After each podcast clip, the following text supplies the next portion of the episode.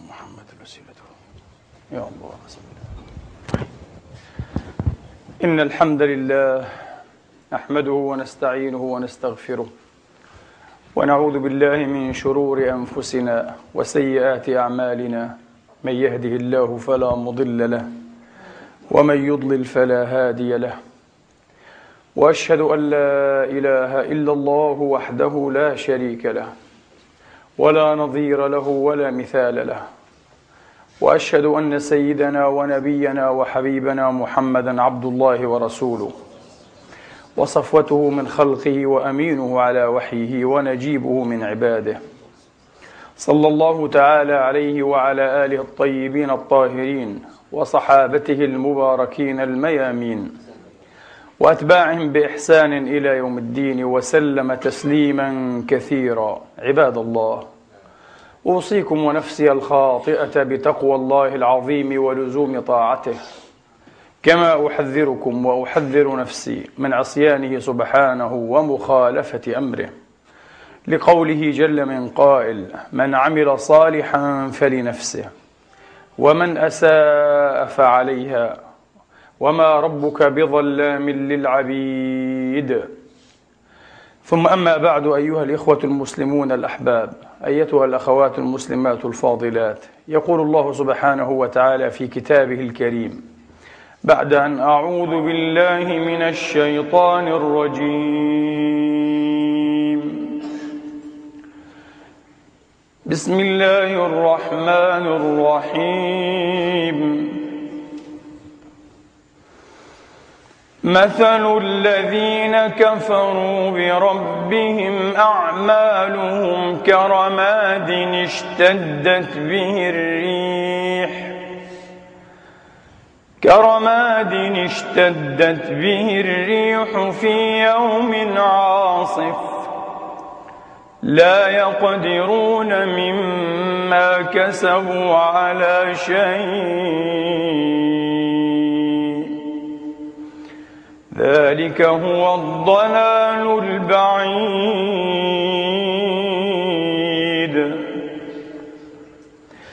ألم تر أن الله خلق السماوات والأرض بالحق؟ إن يشأ يذهبكم ويأتي بخلق جديد. وما ذلك على الله بعزيز وبرزوا لله جميعا فقال الضعفاء للذين استكبروا فقال الضعفاء للذين استكبروا كنا لكم تبعا فهل أنتم مغنون عنا من عذاب الله من شيء؟ قالوا لو هدانا الله لهديناكم سواء أجزعنا أم صبرنا ما لنا من محيص وقال الشيطان لما قضي الأمر إن الله وعدكم وعد الحق ووعدتكم فأخلفتكم وما كان لي عليكم من سلطان إلا أن دعوتكم إلا أن دعوتكم فاستجبتم لي فلا تلوموني ولوموا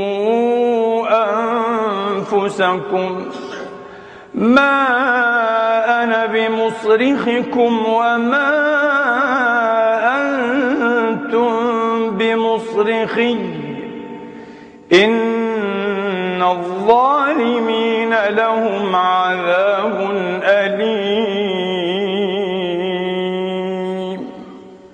صدق الله العظيم. وبلغ رسوله الكريم. ونحن على ذلك من الشاهدين. اللهم اجعلنا من شهداء الحق. القائمين بالقسط آمين. اللهم آمين.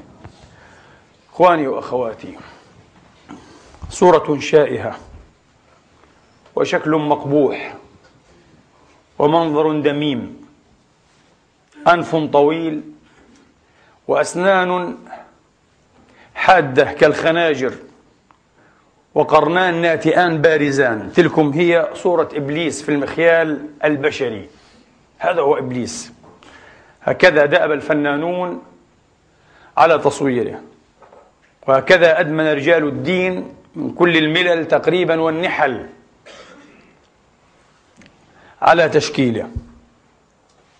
لكن الشاعر العارف سعدي الشيرازي رحمه الله تعالى يفجأنا في ديوانه بستان فهو ديوان آخر غير جلستان أو جنة الورد مختلف عنه.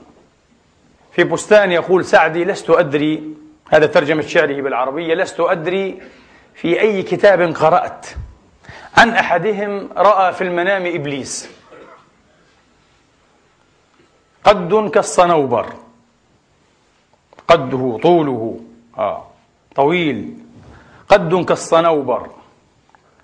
ونظر كالحور العين. عينان جميلتان شهلاوان واسعتان. حوراوان. ونظر أي بصر أو باصرة كالحور العين. وجه كالشمس يشع نورا. فقلت له أأنت هو؟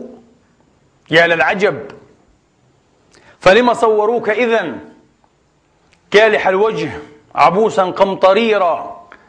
كأنما دهن وجهك بالخل هكذا صوروك في إيوان شاهي فارس فقال ما الحيلة والقلم في يد غيري؟ أنا لم أصور نفسي عدوي هو الذي صورني. ما الحيلة والقلم في يد غيري؟ طبعا هذه الجملة الأخيرة من هذه المقطوعة هي ما أراد الشاعر العارف الكبير وهو شاعر عالمي أن يدير مقطوعته الشعرية عليها على هذه الجملة. أن العدو لا ينصف أيها الإخوة. لكن نحن نريد أن نتناول هذه المقطوعة التي فجأتنا حقيقة من زاوية أخرى. هل لدينا في كتاب الله تبارك وتعالى أو من صحيح الأخبار ما يؤكد أن إبليس لعنة الله تعالى عليه شائه الصورة؟ قبيح المنظر مقبوح الخلقة دميمها؟ كلا. ليس لدينا ما يؤكد هذا. باستثناء آية واحدة في كتاب الله من سورة الصفات ليس هناك ما يشير لا من قريب ولا من بعيد إلى هذه المسألة. أنه مقبوح الصورة. مقبوح الباطن والسيرة نعم. فهو الأقبح لعان الله عليه متتابع إلى يوم الدين. أما أن يكون مقبوح الصورة عدا قوله تبارك وتعالى أذلك خير أم شجرة الزقوم؟ إنا جعلناها فتنة للظالمين إنها شجرة تخرج في أصل الجحيم طلعها كأنه رؤوس الشياطين. الآية فيها إشارة أيها الإخوة إلى أن رؤوس الشياطين شائهة ومناظرها مقبوحة مسترذلة ذميمة ودميمة. لكن بعض الملاحدة على ما أشار صاحب روح المعاني اعترض على التشبيه الواقع في الآية. قال لأنه تشبيه أيها الإخوة بما لا يعرف. فمن هو الذي رأى رؤوس الشياطين؟ لا أحد. من الذي رأى رؤوس الشياطين؟ ولو افترضنا أن أحدا ما رآها فهل رآها المستمعون؟ هل رآها المخاطبون بالقرآن الكريم؟ حتى يقع التشبيه أيها الإخوة برؤوس الشياطين؟ طلعها طلع شجرة الزقوم كأنه رؤوس الشياطين. والجواب أيها الإخوة من هذه الشبهة المتهافتة الرقيعة سهل جدا.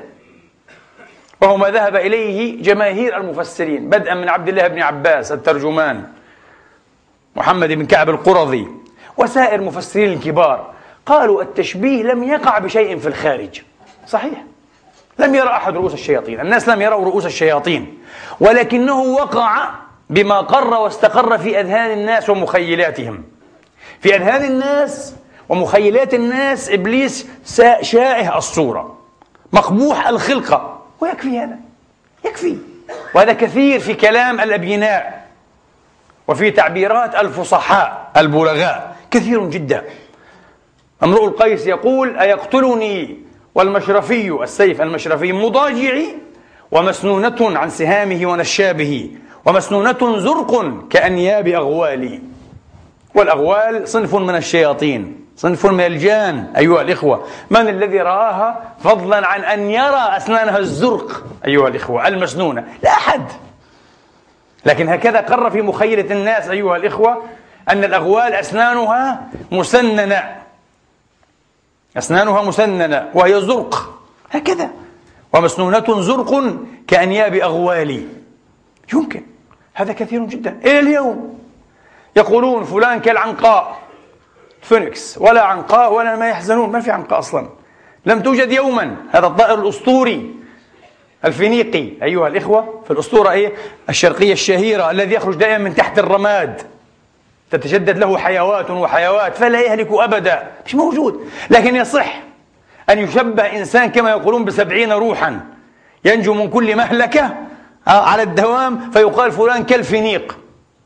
كالعنقاء يعني. كطائر العنقاء. ولا عنقاء ولا فينيكس ولا ما يحزن يجوز يجوز. هذا كثير جدا في كل اللغات. في كل اللغات. فما الذي ينكر من وقوع مثله في كتاب الله تبارك وتعالى؟ لا شيء. إذا هذه الآية ليست نصا أيها الإخوة في قبح صورة إيه؟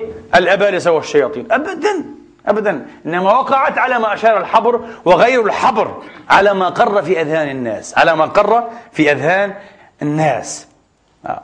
بعض الناس كالإمام الجبائي رأس المعتزلة في وقته أبو علي وأبو هاشم الجبائيان آه. الإمام الجبائي قال طلعها كأنه رؤوس الشياطين آه. يوم القيامة إذا أدخلت الشياطين نار جهنم والعياذ بالله الشياطين ما الإنس والجن. آه. فإن خلقهم تتشوه بلا شك. كل من دخل جهنم تتشوه خلقته مباشرة وهم فيها كالحون. تقلص الشفة العليا أيها الإخوة. حتى تصير إيه؟ في منتصف الرأس. وتتدلى تلك حتى تضرب سرته. هذا ما يحدث فقط للشفتين. أه؟ وتبرز أسنانه بلا لثة. فكيف يصير المنظر؟ هذا هو الكلح والكلوح. وهم فيها كارحون اللهم لا تشوه خلقتنا بنار جهنم. واغضب بنا يا لطيف بخفي ألطافك. وعظم علينا امتنانك. وأسبغ علينا نعمتك. نعم الجبائي يقول هذا يحدث في جهنم للشياطين فيصير منظرها شائها جدا مستفضعا. لكن اعترض عليه العلماء قالوا وأيضا هذا تشبيه بغير إيه؟ حاصل في الخارج. من رأى الشياطين وقد أدخلت جهنم وحصل لها ما حصل.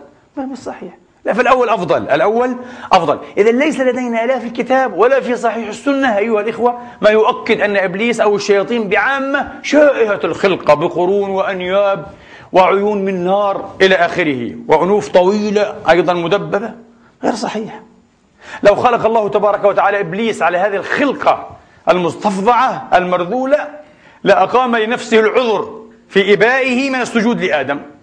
لقال لماذا؟ لما لماذا أسجد له؟ أنا أتسخط قدري. أنا أتسخط قدري. لماذا سويته؟ وفي أي صورة من الحسن ركبته؟ ثم تأمرني من بعد أن أسجد له. وقد مسختني وشوهتني. لكن إبليس لم يعتذر بهذا العذر. غير موجود بالعكس بل قال أنا خير منه. إبليس رأى في نفسه مزايا وخصائص. قطعا كان من الناحية البدنية من الناحية التركيبية غير منقوص. كان تاما يتمتع بعافية ظاهرة وبجمال وضاء. آه. فضلا عما وقر في ذهنه المختل أيها الإخوة من شرف أصله ومحتده أنه من نار. أنه من نار. ولذلك دخله العلو. ووسوس له كبرياؤه. أن كنت من العالين. أه؟ استكبر. لأنه لا يرى في نفسه نقيصة. حتما لم يكن شائع الخلق إبليس. قد يقول قائل ولكنه تشوه ومسخ بعد المعصية. لكن هنا يثور سؤال. هذا مجرد دعوة وتحكم بلا دليل ويثور سؤال. فما بالنا لا نرى الطغاة؟ الطغاة والمجرمين من قتلة الشعوب أيها الإخوة أمراء الحرب. الذين يدفعون بالألوف والألوف في أتون نيران مصالحهم. ومنافعهم لا يلون على شيء ولا يأبهون بشيء ولا يقيمون حرمة لشيء. هم الأشر من بين الإنس هم شياطين الإنس. شياطين الإنس والجن شياطين الإنس. ما بالنا؟ ما بالنا؟ ها؟ لا نراهم يمسخون ولا تشوه خلقهم. بل كثير منهم أيها الإخوة يتميز بقدر غير يسير من العافية الظاهرة. والجسم شديد الأسر. والبنية قوية. إذا رأيتم تعجبك أجسامهم. المنافقين رؤوس النفاق. وإن يقولوا تسمع لقولهم. وبالمنطق العذب السلس اللاذ. نعم هكذا. وجميل الابتسام حلاوة الثغر. وجمال الابتسام. أصحاب الابتسامات الصفراء أمام التلفاز والفضائيات وهم قتلة قتلة الشعوب. حتى يكون الأعراض والحرمات. ولكن جمال جمال ظاهر. حذرنا الله تبارك وتعالى وحذر نبيه أن يغتر بأمثال هذه المظاهر. جمال الصورة والخلقة لا تعني شيئا كثيرا عند الله تبارك وتعالى. ولا جمال المقال. ومن الناس من يعجبك قوله في الحياة الدنيا ويشهد الله على ما في قلبه قول لاذ جميل سلس ومنطق متماسك ويحلف ويشهد الله قدوته وأسوته شيخه الأكبر إبليس. كل حلاف والعياذ بالله هو مهين. كل حلاف هو شخص إبليسي وشيطان رجيم. وقاسمهما إني لكما لمن الناصحين. لا يحلف بالله كذبا إلا من فيه شيء من إيه؟ الشيطان والأبلسة والعياذ بالله. وإلا فمقام الله أعظم وأجل من أن يحلف باسمه أو يشهد باسمه سبحانه وتعالى. على أمر كذب وزور وإفك مبين. فشيخهم إبليس الذي قسم أبوينا أنه لهما لمن الناصحين فدلهما بغرور. لعنة الله تعالى لأنه شيخ الكذبة والمغررين والمضللين. يعدهم ويمنيهم وما يعدهم الشيطان إلا غرورا. إذا ما الحكاية؟ من أين أتت مسألة تشوه خلقة إبليس وقبح منظره؟ أتت فيما يترجح لدى الظن أيها الإخوة من قصود طيبة لدى رجال الدين والتربويين عبر العصور.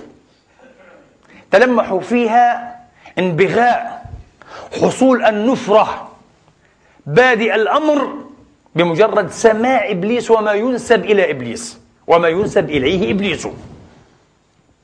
فهذه هي صورة الشيطان. وهذه هي شاكلته مقبوحة مستفضعة مهولة مرذولة مذمومة. فإذا سمع الناشئ شيئا ينسب إلى إبليس يقال مسلك إبليسي فكرة شيطانية. شيء مما يحبه الشيطان ويدعو إليه ويسول به وينزغ به ويدعو إليه. حصل له ابتداء النفور. وهذا شيء سائغ. هذا شيء سائغ ابتداء. إلا أن له لوازم لزمت عنه. ليست باللوازم الطيبة وليست باللوازم الحسنة. سأذكر منها اثنين. اللازم الأول أيها الإخوة أننا لا نتعاطف مع مقبوحي الصورة ولا ننبلهم إنسان ولد بشكل غير جميل غير وضيء الناس لا يتعاطفون معه إلى اليوم. في كل الحضارات تقريبا. حصول هؤلاء أيها الإخوة على وظائف عمومية صعب. معروف معروف. حصول آه. تلطف الناس معهم تيسيرهم لأمورهم وشؤونهم صعب أصعب من غيرهم. هذه خطيئة. اللازم الأول خطيئة. واللازم الثاني أيها الإخوة هو اغترارنا اغترارنا بالشكل الجميل والصورة الوضيئة والمنطق العذب. السلسال وهذه حماقة.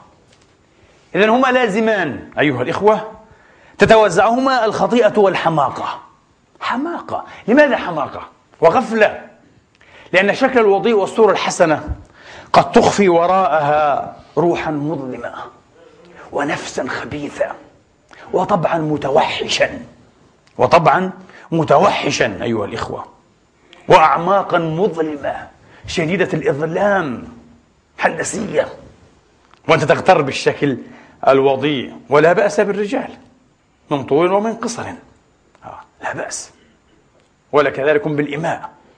وإذا رأيتهم تعجبك أجسامهم.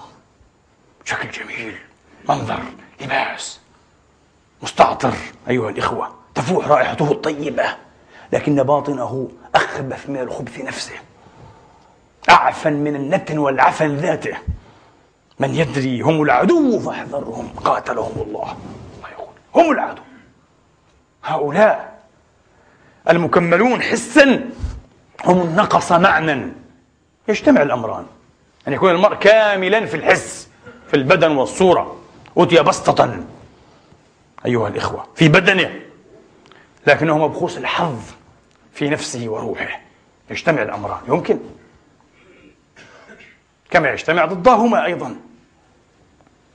كذلك المنطق. كذلكم المنطق العذب. ينبغي ألا يغرينا.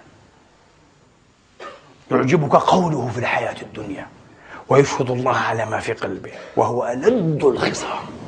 هو أكبر الأعداء. الذي يعطيك من طرف اللسان حلاوة لكنه يروغ منك كما يروغ الثعلب. أين الثعالب منه؟ بل الذؤبان الذئاب يعني الذؤبان والفواتك الضواري. ها قال وإذا تولى سعى في الأرض ليفسد فيها ويهلك الحرث والنسل فحسبه جهنم وبئس المهاد. وإذا قيل له اتق الله أخذته العزة بالإثم فحسبه جهنم. مستكبر. جمال في المنطق أيها الإخوة والأخذ والعطاء لكن في الداخل كبر وعلو وغطرسة داخلية والعياذ بالله ورغبة انفهاق واندلاع في الفساد والإفساد. إبليس أيها الإخوة اختلفت صورته. إلى حد ليس باليسير بين الأديان والملل والنحل والفلسفات المختلفة. في الديانة العبرانية كما لمح الأستاذ الكبير عباس العقاد رحمه الله تعالى إبليس دوره دور النكرة. يمكن لكل نكرة أن تؤدي هذا الدور. وأنا أعلق على هذا هذا يعكس سوء ظن بالطبع البشري لدى العبرانيين أيها الإخوة. ومن تاريخهم وتواريخ تمرداتهم ومسالكهم المنكورة إزاء رسلهم وأنبيائهم ما يؤكد أيها الإخوة. ما يؤكد. حقهم في أن يسيئوا الظن بالطبع البشري. وإن كان الطبع محصورا في حدود قبيلة معينة من الناس. أولئك هم أنفسهم. في الديانة المسيحية إبليس يؤدي دورا محوريا. الشيطان بعامة. يؤدي دورا محوريا مركزيا. يمتد مع كل مراحل ويتخلل كل مراحل وأطوار قصة الخلق. بدءا من لحظة الإغواء فالسقوط بالتعبير النصراني أو المسيحي وإلى اليوم فلولا إبليس ما كانت الغوايا ولولا إبليس ما كان السقوط ولولا الغوايا والسقوط ما كان لزوم الكفارة والفداء والغفران. هذا لب المسيحية. لب النصرانية. فإبليس يلعب فيها دورا رئيسا. ولذلك الشرير يدعى بالشرير. الشرير مهم جدا. وهم يتعوذون بالله منه صباح مساء. احفظنا من الشرير أعذنا من الشرير. آه. يلوح لهم بكل ثنية. يتمثل لهم بكل قارعة وطريق أيها الإخوة. وعند كل مرحلة. في الإسلام العظيم لا أتحدث عن المسلمين عن الإسلام نصا. في الكتاب الكريم بالذات وصحيح السنة. إبليس دوره استثنائي ضعيف أيها الإخوة ليس محوريا. دور هامشي دور المخادع المخاتل المتلصص المفتقر للسلطان والقوة. إن عبادي ليس لك عليهم سلطان. فقاتلوا أولياء الشيطان إن كيد الشيطان كان ضعيفا. كيد ضعيف. إنه ليس له سلطان. على الذين آمنوا وعلى ربهم يتوكلون. وما كان لي عليكم من سلطان إلا أن دعوتكم فاستجبتم لي. هذا كل ما كنت أملكه. أنا دعوت فقط. لا يستطيع أن يؤمر بقوة فضلا عن أن يكره ويلز ويقهر. إنما يوسوس. من شر الوسواس الخناس يوسوس. يزين بهجس خفيف وبكلام جميل أيها الإخوة محسول مستحذب. لا يقول لك هذه الهلكة. فترد فيها. كلا. وقوله تبارك وتعالى إن كيد الشيطان كان ضعيفا. دلالة على ماذا أيها الإخوة انتبهوا. إن كيد الشيطان كان ضعيفا. بحد ذاته. كيده في حد ذاته ضعيف. لا نقول بإزاء كرم الله ولطف الله. لا لا بإزاء كرم الله لا شيء يقوم أصلا. لا كيد ولا سعي. لا حسن ولا أي قبيح كل شيء يتلاشى. وإنما بحد ذاته كيد الشيطان في حد ذاته وبحد ذاته ضعيف. هذا إشارة إلى ماذا؟ إشارة إلى مبلغ قوة العقل الإنساني واقتداره على التمييز بين الخير والشر بين الحق والباطل بين الفضيلة والرذيلة فكيف إذا تهدى هذا الإنسان بهدى شرع الله وتضوأ بأنواره واستعصم بالعروة الوثقى من تقوى الله وخشيته؟ لا سبيل للشيطان عليه. لا سبيل للشيطان عليه. العقل بحد ذاته لديه هذه القوة هذه اللياقة. أن يميز. ولذلك كيد الشيطان بالإزاء كان ضعيفا. ضعيفا. فإذا ما سأل أحدهم فما بالنا نرى أكثر الناس مصروعين لإبليس وخطط إبليس أيها الإخوة وطرائق إبليس على حد ما قال أبو القاسم الحريري في مقاماته على لسان أحد أبطاله في مقامة من المقامات. وكنت امرأ من جند إبليس حتى ارتقى بي الحال فصار إبليس من جندي.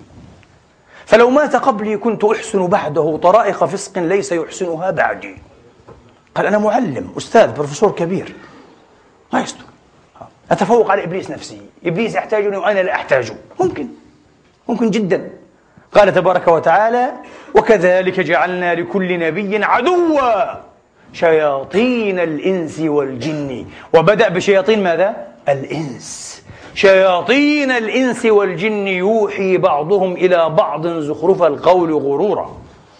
أخرج الإمام أحمد في المسند رضي الله عنه. عن أبي أمام الأنصاري رضي الله تعالى عنه قال قال صلى الله عليه وآله وأصحابه وسلم لأبي ذر يا أبا ذر تعوذ بالله من شر شياطين الإنس والجن. فقال أبو ذر يا رسول الله وهل للإنس شياطين؟ مبلغ العلم أن الشياطين من الجن. أن يكون في الإنس شياطين هذا شيء جديد بديع. لم يسمع بمثله. فقال صلى الله عليه وآله وصحبه وسلم نعم شياطين الإنس والجن يتلو شطر الآية يوحي بعضهم إلى بعض زخرف القول غرورا قالوا لم تقرأ الآية؟ أين أنت من الآية؟ أين أنت من الآية؟ طبعا حتما أبو ذر إيه؟ تلا الآية وربما كان يحفظها ولكن الإضافة صعبة جدا المقام لا يتسع أوضح لكم كيف يعني شياطين الإنس والجن لا تعني بطريق القطع. هذا ليس نصا أيها الإخوة أن في الإنس شياطين. الإضافة تحتمل أربعة خمسة معاني على الأقل. لكن هذا موضوع. عودوا إلى الموسعات في كتب التفسير. قطعا ستقولون على هذا. نعم.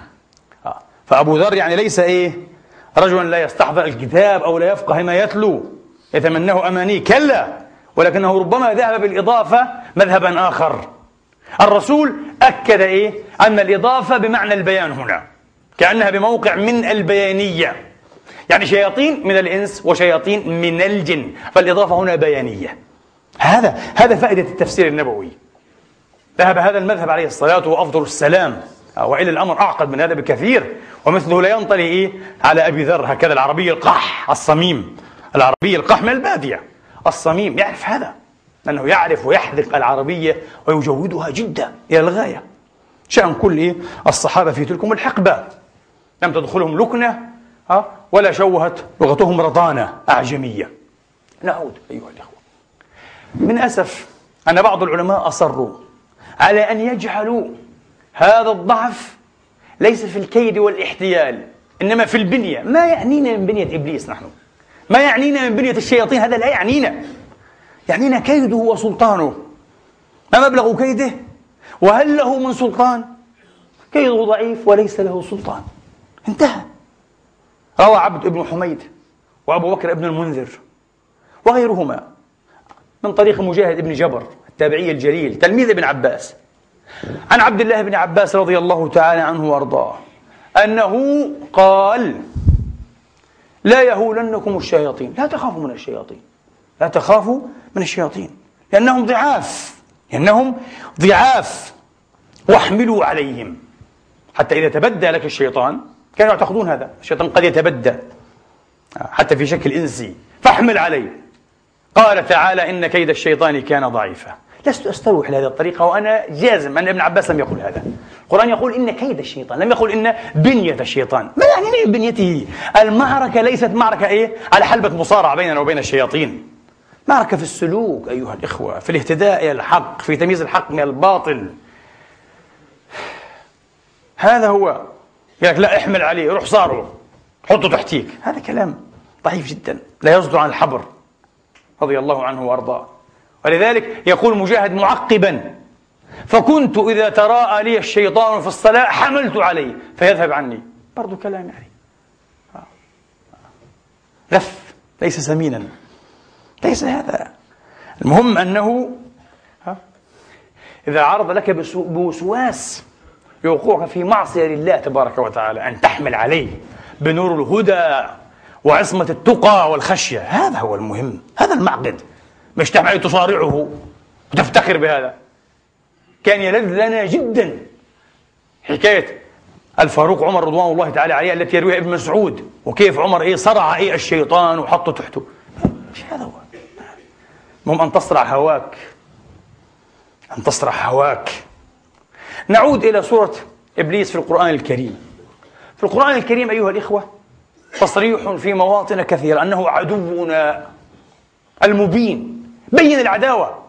لا تحتاج طويلا إلى التأمل وإمعان النظر وإنعامه حتى يضح لك أنه عدوك. هو عدوك. لا يقودك إلا إلى ما فيه هلاكك وبوارك وخسارك في الدنيا والآخرة. فاتخذوه عدوا. واضح. اثنين الشيطان لعنة الله تعالى عليه ليس له سلطان على عباد الله الذين استعصموا بأمر الله وبشرع الله. انتبهوا.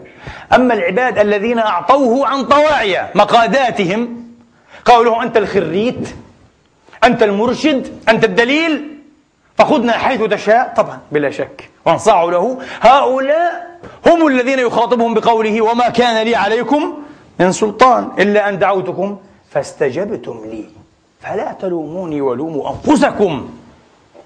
لن أصرخكم لن أنقذكم لن أساعدكم. أنا أصلا واقع في الهلكة قبلكم ومعكم. هذا هو. هؤلاء له هذا السلطان.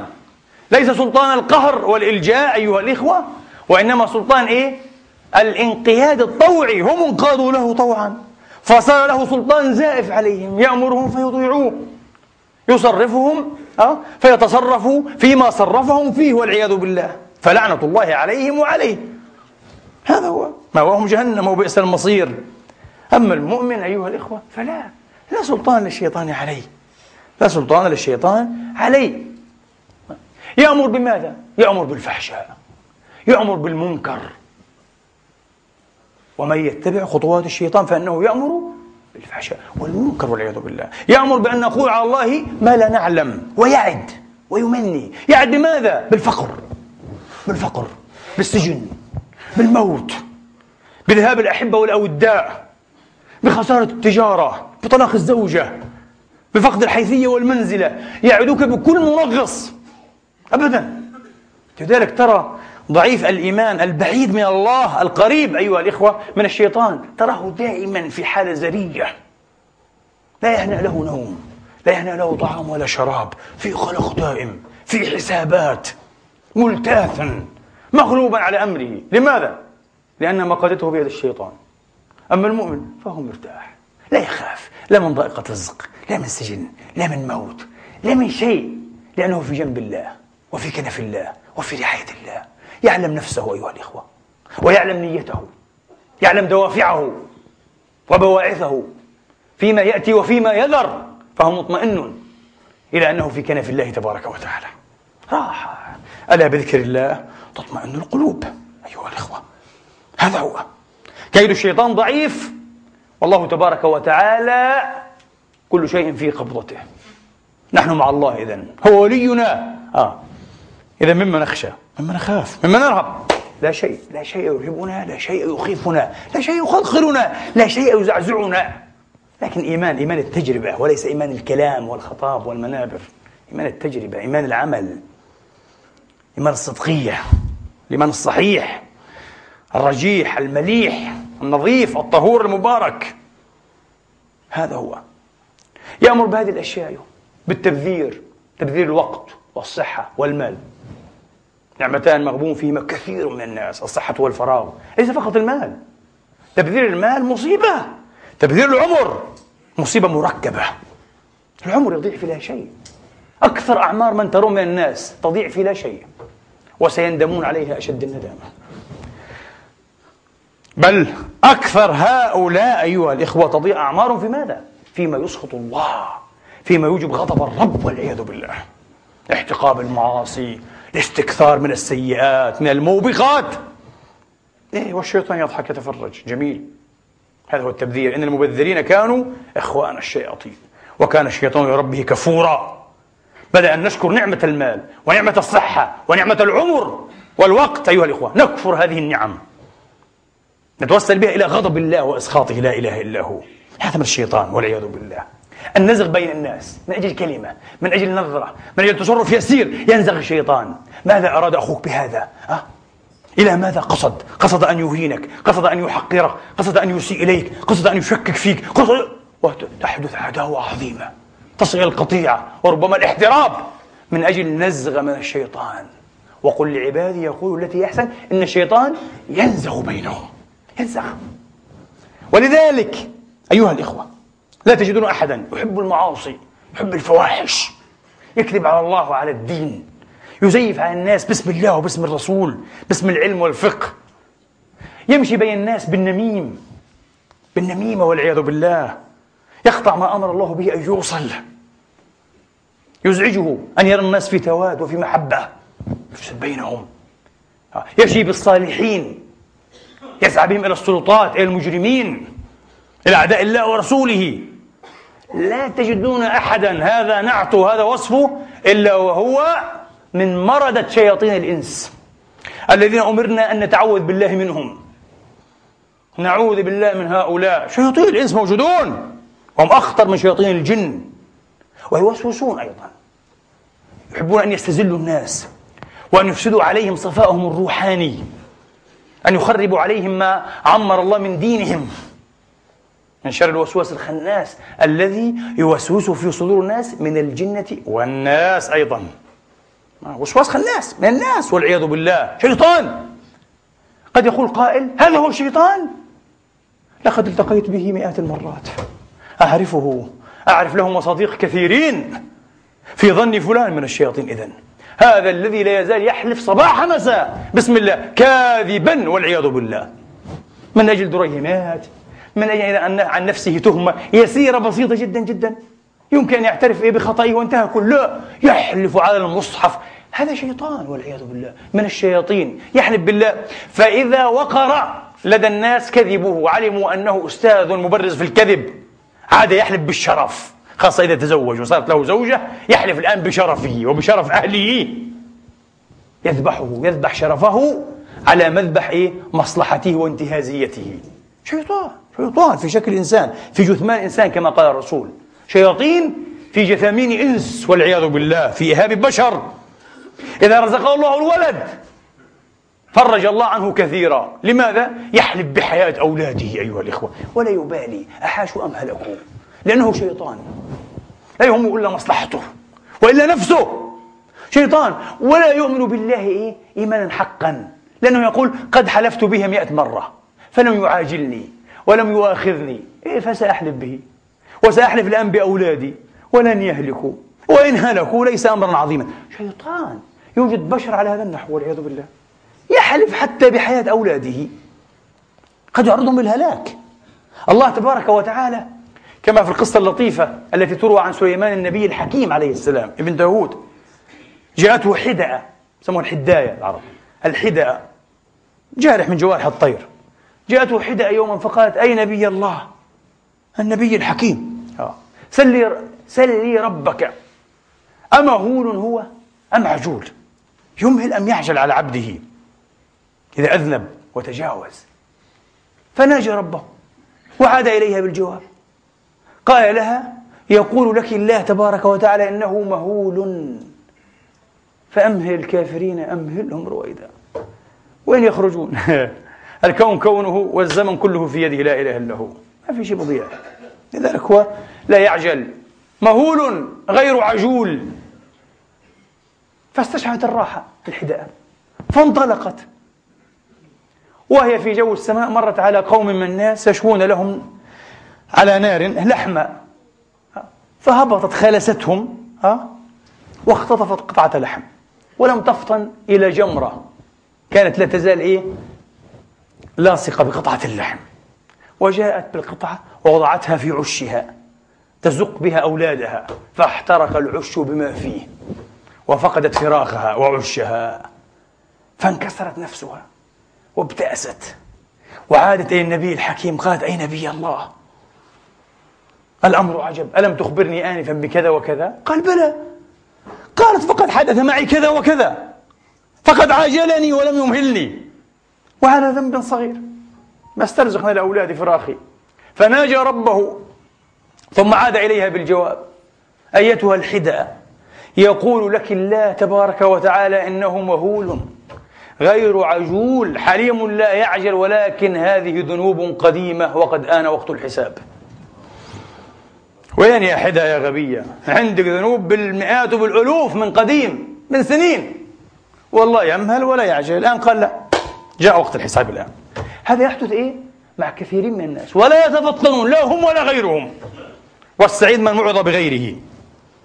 إيه شوفوا الآن حكم على حبيب العدلي هذا أول غيث إن شاء الله أول غيث العدل. أول غيث العدل طبعا هذه هذه تهم فقط للتكسب بالمال إيه؟ العام واستغلال المنصب. وين تهم إطلاق الرصاص على الناس؟ قتل الشعب هذه في إعدام إن شاء الله تعالى. نسأل الله إيه؟ أن يأخذ العدل مجراه فيه وفي سيده وأسياده. هذا هو. الله أمهلهم وترك الحبل إيه على الغارب؟ ما في حبل على الغارب عند الله ما في. إمهال ومكر إلهي وإملاء لا إله إلا هو. أملي لهم إن كيدي متين. الآن أخذهم أخذ عزيز مقتدر. سبحان الله صاروا في التحوت. بعد أن كانوا في السماك الأعلى. صاروا تحت التحت أيها الإخوة. وأدوى من الدون. نسأل الله أن يكرر عبرتهم وعظتهم في كل طواغيت العرب. في سوريا واليمن والبحرين في كل مكان. الذين لا يتورعون من قتل شعوبهم أيها الإخوة. ذنوب فظيعة. هؤلاء بارسة تريد أن تنظر إلى إبليس من البشر؟ انظر إلى هؤلاء الحكام الطواغيت. هؤلاء بارسة نحن لم نرى يوما إبليس يخرج ويقتل الناس. لأنه لا يملك هذا السلطان ليس له سلطان. لكن هؤلاء رأيناهم وعشنا معهم عشرين وثلاثين سنة وأربعين سنة يذبحون شعوبهم. ينتهكون أعراضهم يستبيحون دماءهم وأموالهم. يصدرون حرياتهم هؤلاء بارسة حقيقيون أيها الإخوة أبارزة حقيقيون. نحن في النهاية نرى أن خطة القرآن أيها الإخوة وتصوير القرآن الكريم للشخصية الشيطانية للشخصية الإبليسية هي أصح تربويا. أصح تربويا وأثقل في الميزان ميزان المقارنة والمكافأة. كيف أيها الإخوة؟ أولا هذه الخطة لا تترك لأحدنا هامشا وسيعا قويا عريضا يتحرك فيه متنصلا من تبعات أفعاله وعواقب ولوازم اختياراته يقول لك لا لا لا مش أنا والله الشيطان يا أخي الشيطان أغواني يا أخي لعنة الله على الشيطان شو شيطان؟ شيطان إيه؟ شيطان ضعيف وين؟ أنت أنت ألا تقرأ كتاب الله؟ كم مرة نسب الله تبارك وتعالى أفعالك إلى الشيطان؟ جيب لي ما في فقط زين لهم الشيطان أعمالهم. ما كانوا يعملون. الفعل ينسب إليك. فعلك هذا عملك. وفعله هو فقط كان له التزيين وأنت قبلت هذا لفساد مزاجك. مزاجك غير والعياذ بالله غير صحيح غير سليم. بعض الناس تكون عنده الزوجة الحسناء يتمناها الملك من الملوك. والله العظيم يزهد فيها لا يحبها. آه. يبدأ يبحث عن القاذورات عن القاذورات ويدفع فيها الأموال لأنه قذر النفس مزاجه مختل. هذا الذي أريه النبي في المشهد العلوي أيها الإخوة. آه في شكل الرجال يتركون اللحم الطيب. الطيب أيها الإخوة النظيف. تعافوا نفوسهم يعرفون اللحم الطيب الهنيء الزكي ويأتون لحم أسود منتن خبيث يأكلونه ويمضغونه. ما هؤلاء يا جبريل؟ إيش هذا؟ هذول البشر قال هؤلاء أناس والعياذ بالله من أمتك. مش بس يهود ونصارى وهندوس لا من أمة محمد يا حبيبي. ممكن بصلوا كمان في المساجد. إيه في ناس هكذا. يترك الشيء الطيب ويذهب إلى الشيء الخبيث ويلذ له الخبيث. أنا أقول له مسكين أنت يا أخي روح تعالج روحيا. ابكي على نفسك ليل نهار.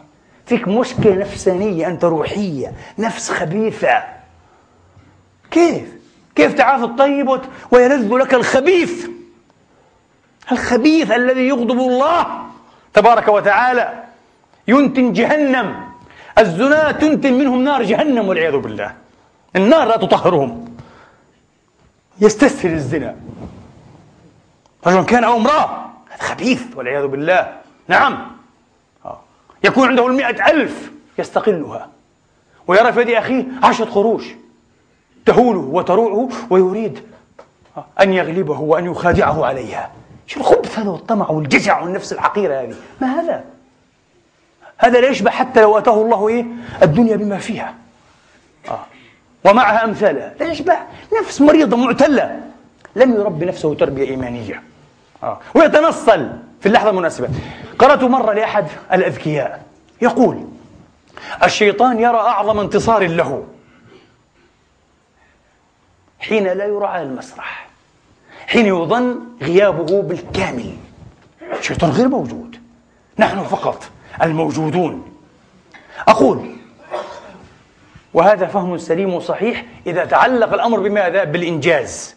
بما يظن إنجازا وكسبا بما يظن إيجابية ونجاحا. طبعا البشر لا يقول لك إيه؟ آه، يقول لك هذا الشيء بما أنه إيه؟ ظهر أنه إنجاز وكسب وقد يكون إيه؟ شيطا وأبلسا يقول لك هذا مني من ذكائي. أنا خططت وأنا رسمت وأنا كنت ذكيا. آه. وفي الحقيقة هو كله من ماذا؟ من تسوير وتزيين الشيطان. الشيطان زي له هذا. لكن الشيطان يسره جدا ألا يظهر. ويرى نفسه منتصرا حين يغيب. خبيث عنده إخلاص في الشر. إخلاص حقيقي في الشر. تخيلوا؟ مثل إخلاص المؤمن في الخير. إخلاص المؤمن مؤمن يتصدق بصدقة مثلا ولا يحب حتى أن تعلم شماله ماذا أنفقت يمينه.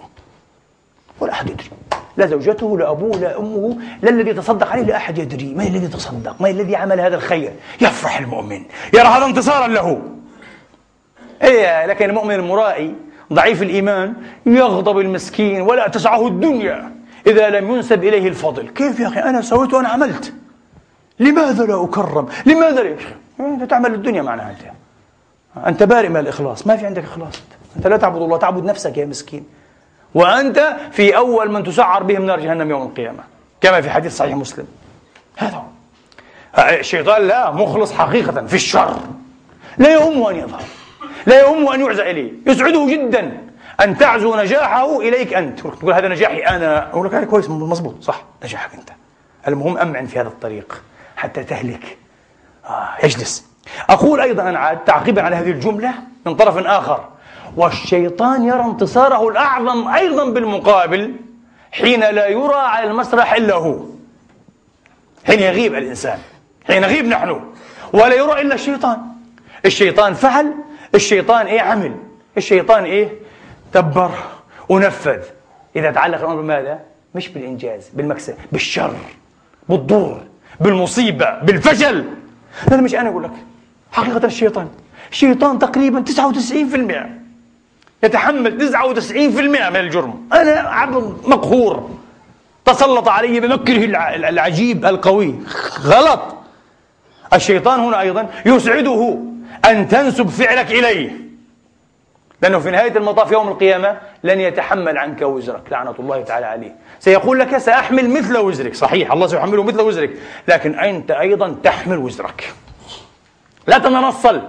فالقرآن حين يقلل أيها الإخوة من تدخل إبليس من مدخلية إبليس ويعطيه دورا استثنائيا دور الخداع والتزيين والتسويل دور ضعيف حقير هذا هو دور إبليس مش أكثر من هذا على فكرة والاستعاذة من قلب مخلص أيها الإخوة مرتبط بالله تطرده آه. إلى مبعد بإذن الله تخسئه مخسأ الكلب أكرمكم الله وأكرمكن. هنا إذن لا يبقى لك هامش وسيع عريض لكي تتنصل من تبعات أعمالك تنسبها للشيطان هنا تقف أنت مباشرة إزاء نفسك تحاسبها. الإمام ابن الجزري يحكي قصة أحد الصالحين كان كل ليلة قبل أن يضع رأسه على الوسادة يخرج صحيفة ويكتب فيها. ماذا فعلت اليوم؟ ماذا أحسنت؟ ماذا أسأت؟ أسأت في جنب الله أسأت في جنب العباد عملت كذا كذا أستغفر الله يعتذر يصلح. يعود الحقوق إلى أصحابه يعتذر من الناس يستسمحهم كل يوم. يقول ابن الجزري فتوفي إلى رحمة الله فرآه أحدهم في المنام يا فلان ما فعل بك؟ قال أوقفني تبارك وتعالى بين يدي. وقال لي يا عبدي يا عبدي كفيتني حساب نفسك اليوم بما كنت تحاسبها في الدنيا ادخل الجنة. حاسبوا أنفسكم قبل أن تحاسبوا. وزنوا أعمالكم قبل أن توزنوا فإنه مما يخفف على العبد الحساب يوم القيامة أن يكون حاسب نفسه يقول عمر رضي الله تعالى عنه وأرضاه. هذا كان يحاسب نفسه كل يوم. أما الشياطين شياطين الإنس لا والله لا يحاسبون أنفسهم. لديهم ضمير مطاطي أيها الإخوة. متسع عجيب أوسع من الهرم. آه، أوسع من الدنيا. يبرر كل شيء. إذا سرق إذا كذب إذا قتل إذا غش إذا حقد إذا انتقم إذا كفر كل شيء مبرر عنده. دائما هو صح وأنت غلط. دائما هو على حق وأنت على ضلال. دائما هو صح والقدر غلطان. القدر. الله عز وجل يعاكسه. وهو مظلوم ضحية المسكين. يفعل كل شيء. يكذب على نفسه. والله من أحوج ما يحتاجه الواحد فينا يا إخواني وأخواتي. من أحوج ما يحتاجه أن يكون صادقا مع نفسه. يا ريت.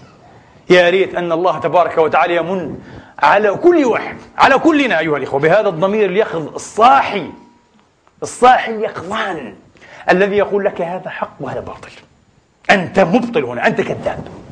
أنت فعلت هذا وهذا ليس لله وليس للدين بل انتصار لنفسك. أنت فعلت هذا غشا ولم تفعله نصيحة.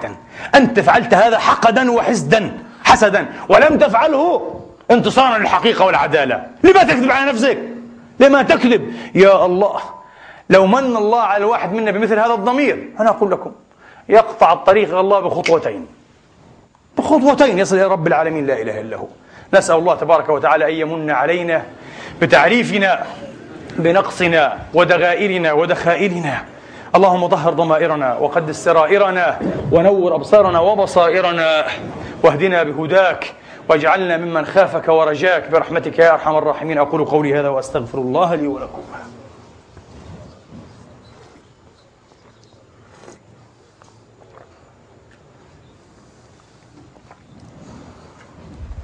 الحمد لله. الحمد لله الذي يقبل التوبة عن عباده ويعفو عن السيئات ويعلم ما تفعلون ويستجيب الذين آمنوا وعملوا الصالحات ويزيدهم من فضله. والكافرون لهم عذاب شديد وأشهد أن لا إله إلا الله وحده لا شريك له وأشهد أن سيدنا محمدا عبده ورسوله. صلى الله تعالى عليه وعلى آله الطيبين وصحابته الميامين وأتباعهم بإحسان إلى يوم الدين. أما بعد سئل الحسن البصري يوما يا أبا سعيد هل ينام إبليس؟ قال لو نام لاستراح الناس لست مع هذه القولة. وأيضا لعلها لا تصح. لو نام لما استراح الناس. هذه القولة تعكس الصورة الخاطئة لإبليس. أن إبليس هو المسؤول عن 90% من أخطائنا ومن جرائمنا. غير صحيح. غير صحيح. هو مسؤول أقل بنسبة أقل من هذا بكثير. المسؤول أعظم نفوسنا الخبيثة أيها الإخوة. ولكنكم فتنتم أنفسكم وتربصتم وارتبتم وغرتكم الأماني. الله قال النفس. ها؟ وما أبرئ نفسي. إن النفس لأمارة بالسوء إلا ما رحم ربي. اللهم ارحمنا برحمتك الوسيعة. ها فطوعت له نفسه قتل أخيه فقتله نفسه. نفسه النفس يا أخي. أين النفس؟ النفس. لا تقول لي لو نام إبليس لاستراح الناس. لا يستريح الناس لأن الناس هم الناس. فيهم الخبث والكلام الكذب والدجل. أيها الإخوة وهذه الصفات السيئة التي لا يطهرها إلا الصلة الحقيقية بالله تبارك وتعالى. محبة الله وخوفه ورجاؤه. عقل المرء يحتاج إلى عقل يا إخواني. المرء يحتاج إلى عقل كبير حتى يكون من الأتقياء. لذلك نفى الله العقل عن كل من عصاه. كل من عصى الله لا عقل له. إن شاء الله يحمل مئة جائزة نوبل. والله العظيم لا عقل له. كل من عصى الله جاهل. جاهل منزور العقل. من أطاع الله ودبر أمره بهدى الله هو العاقل. وإن كان أميا لا يفك الخط. هذا هو العاقل. آه. لماذا؟ لأنه يمهد لنفسه سعادة أبدية. وذاكم أحمق غافل حامل عشر نوبل. لو وجد مثله. لماذا؟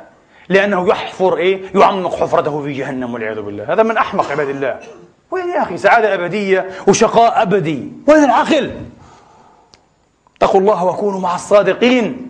اتقوا الله وكونوا مع الصادقين. إذا النفس لابد أن نعود باللائمة على النفس. ولذلك أقسم الله بها ولا أقسم بالنفس اللوامة. هذه أقسم الله بها تبارك وتعالى. ولا هنا زائدة. يقسم بها لمكانتها ومثابتها عنده تبارك وتعالى. النفس اللوامة هي الضمير اليقظان الصاحي هذا. النفس اللوامة. إخواني وأخواتي قبل أن أغادر هذا المكان الكريم أحب أن أعلق أن بعض الناس ربما يريد أن يسمع تعليقا على استشهاد الشيخ أسامة بن لادن. الرجل أفضى إلى ربه تبارك وتعالى. لا يجوز لأحد أن يتحكم في مصيره. لا يجوز لأحد أن يتحكم في مصيره. وأن يغاصب الله صلاحياته. هذا أمر الله تبارك وتعالى. لا يعنينا ثانيا لا يعنينا أيها الإخوة أن ندخل في نقاش بيزنطي عقيم. قتل لم يقتل. كذب صدق ما حدث لا يعنينا. هل قتل في العام الأخيرة؟ أم مات قبل سنة سنتين بالكي بالفشل الكلوي إلى آخره؟ لا يعنينا. هذا نقاش بيزنطي آه. ومش مفيد.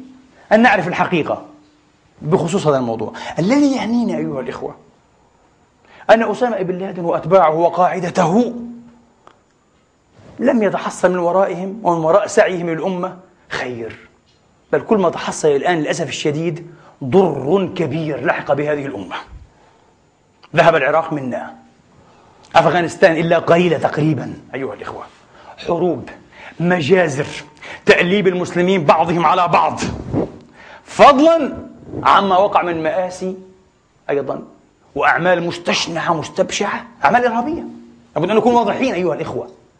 اتخاذ المدنيين العزل هدفا من أجل خدمة أيديولوجيا أو أهداف سياسية إرهاب لا يسمح به. آه لا الله ولا رسوله ولا الشرع ولا المقسطون من إيه؟ من بني البشر. هذا الإرهاب إيش دخل مدني؟ أيا كان. مدني هذا لا يقاتل. تأخذه في طريقك لتحقق به. هذا الإرهاب انتهى. هذا القدر على فكرة متفق عليه في تعريف الإرهاب. هذا القدر. بس في أشياء إشكالية معقدة غير متفق عليها. لكن هذا القدر الكل كل العقلاء يسلمون به. أخذ مدني في الطريق عشان تحقق أهداف سياسية. هذا إرهاب. هذا الإرهاب الذي حدث في أكثر من عاصمة في الغرب أيها الإخوة. للأسف كانت النتيجة أن شاهت صورة الإسلام. تأخر الإسلام. وصارت الحالية والعاطلة. تتطوع وتنتدب نفسها لكي تنصح للمسلمين. كيف عليكم أن تفهموا الإسلام؟ كيف عليكم أن تجددوا دينكم؟ كيف عليكم أن تصلحوا إيه من أوضاعكم؟ كيف عليكم أن تعيدوا النظر في كتابكم وسنتكم؟ طب إيش رأيكم نؤلف لكم قرآنا جديدا؟ نسميه الفرقان الحق. ويلا بالمرة حيكون أحسن. لكم من الكتاب هذا الذي إيه؟ خبلكم هذا التخبيل. والعياذ بالله. حماقات وقباحات ورقاعات. هذه رقاعة حماق وسخافة. الكل من يحسن من لا يحسن من يعرف من لا يعرف. الكل بدأ يتطوع يتكلم إيه؟ باسم أنه الهادي للمسلمين. كأن المسلمين أمم الحمقى أمم الخسر أمم الأغبياء. لسنا كذلك. لم نكن كذلك ولسنا كذلك أيها الإخوة. أبدا. بفضل الله تبارك وتعالى. ولكن وجرم رب جرم يعني. جره صغار قوم فحل بغير جانيه البلاء. للأسف. آه. لذلك التقييم النهائي أيها الإخوة. آه. مسعى القاعدة وأعمال القاعدة لم تفد الأمة حقيقة. أضرت بالأمة كثير واضح الضرر وأخرت القضية الفلسطينية. وعقدتها وأزمتها. لكن بالمقابل وهذا من لطف الله تبارك وتعالى. ومن مكر الله الكريم الطيب بهذه الأمة وصنعه لها من لطف صنعه لهذه الأمة. أنه جاء مقتل الشيخ أسامة في الوقت الذي أثبتت بارك الله فيك أثبتت فيه الشعوب قدرتها أيها الإخوة على التغيير والإصلاح وتعديل الوجهة والمسار بأقل الأثمان وذاتيا تقريبا. نحن نستطيع أن نقوم بهذا. يعني ما كان على ابن لادن أن يسعى إيه؟ في إحداثه وإنجازه ألف سنة ولن ينجح. نجح الشعب التونسي في أسابيع. نجح الشعب المصري في أسابيع. إن شاء الله ينجح الشعب الليبي. ونجح تقريبا إيه؟ ثلاث أربع طريق قطعت. إن شاء الله ينجح الشعب السوري بإذن الله. والشعب اليمني والبحريني. كل المظلومين كل المضطهدين ينجحون بإذن الله تعالى. آه. لهم الحق يا أخي. لهم الحق للشعوب الحق أن تحكم نفسها بنفسها. انتهى. اليوم ليبيا هذه وسوريا واليمن. ها آه. هذه ثلاث دول. من بين ستة دول في العالم لا تزال تحكم حكما عسكريا. ما شاء الله. نصيب الأسد عندنا. نصيب الأسد مش الأسد يعني البشار الأسد نصيب الأسد عند الأمة العربية. آه. لا يزال يحكمه حبة عساكر. مهزلة هذه؟ مهزلة آه. وهؤلاء العساكر على فكرة هم الذين يأكلون أيضا إيه؟ يأكلون موازنات الدولة تقريبا. في سوريا ما ينفق على الجيش أكثر مما ينفق على التربية والتعليم والصحة والخدمات يا أخي. إيش هالجيش هذا؟ ولا إيش الجيش هذا ما شاء الله. لم يحرر الجولان لكن احتل درعا شوف العار. احتل. جيش يحتل درعا قال. ما شاء الله على الجيش هذا. إيش الجيش المغاوير هذا؟ مغاوير. يحتلون شعبهم. يحتلون العزل. عزل أمثالنا هكذا. لكن اشاوس هؤلاء الأبطال. عزل يتحدون إيه العار والنار. يرسمون طريق الشرف. وما هي على الكرامة أيها الإخوة. قال احتل درعا وانسحب من درعا امبارح. يا ما شاء الله. احتلت الجولان؟ استعد جولانك؟ لا يحتل درعا يعني مهازل مسخرة صرنا نعيش فعلا في مساخر كما أسميها مساخر حقيقية مفارقات لا تنسلك في دين محترم. انتهى. الحمد لله. إذا بإذن الله نحن نأمل أن ينتهي دور القاعدة وعهد القاعدة وأيديولوجيا القاعدة وأن آه نشرع في دور جديد للأمة للجماهير للشعوب بإذن الله تبارك وتعالى هذه الجماهير لا تعلم هي التي تعلم. هذه الجماهير أيها الإخوة هي التي تصنع التاريخ تفرض اللحظة وتكتب التاريخ إن شاء الله قريبا بما يشرفها وبما يجعلها تقتعد مكانتها ثانية تحت الشمس المكان التي تليق بها وهي جديرة بها. اللهم إنا نسألك الهدى والتقى والعفاف والغنى. علمنا ما ينفعنا وانفعنا بما علمتنا وزدنا علما وفقها ورشدا. اللهم أصلحنا وأصلح بنا واهدنا واهد بنا. وافتح علينا بالحق وأنت خير الفاتحين. اجعلنا مفاتيح الخير مغاليق للشر. اللهم إنا نسألك الهدى والتقى والعفاف والغنى. اللهم إنا نسألك أن تنصر الإسلام وأن تعز المسلمين وأن تعلي بفضلك كلمة الحق والدين. اللهم من أراد بالإسلام والمسلمين خيرا فكله خير معين. ومن أراد به وبهم شرا فخذه أخذ عزيز مقتدر فإنه لا يعجزك. اللهم ارحم كل من بنى للإسلام منارا أو رفع له شعارا. اللهم ارحمنا فإنك بنا راحم ولا تعذبنا فأنت علينا قادر والطف بنا فيما جرت به المقادير. اللهم ارفع مقتك وغضبك عنا اللهم ارفع مقتك وغضبك عنا اللهم ارفع مقتك وغضبك عنا ولا تؤاخذنا بما فعل السفهاء منا. عباد الله إن الله يأمر بالعدل والإحسان وإيتاء ذي القربى وينهى عن الفحشاء والمنكر والبغي. يعظكم لعلكم تذكرون. اذكروا الله العظيم يذكركم واشكروه على نعمه يزدكم. قوموا إلى صلاتكم يرحمني ويرحمكم الله.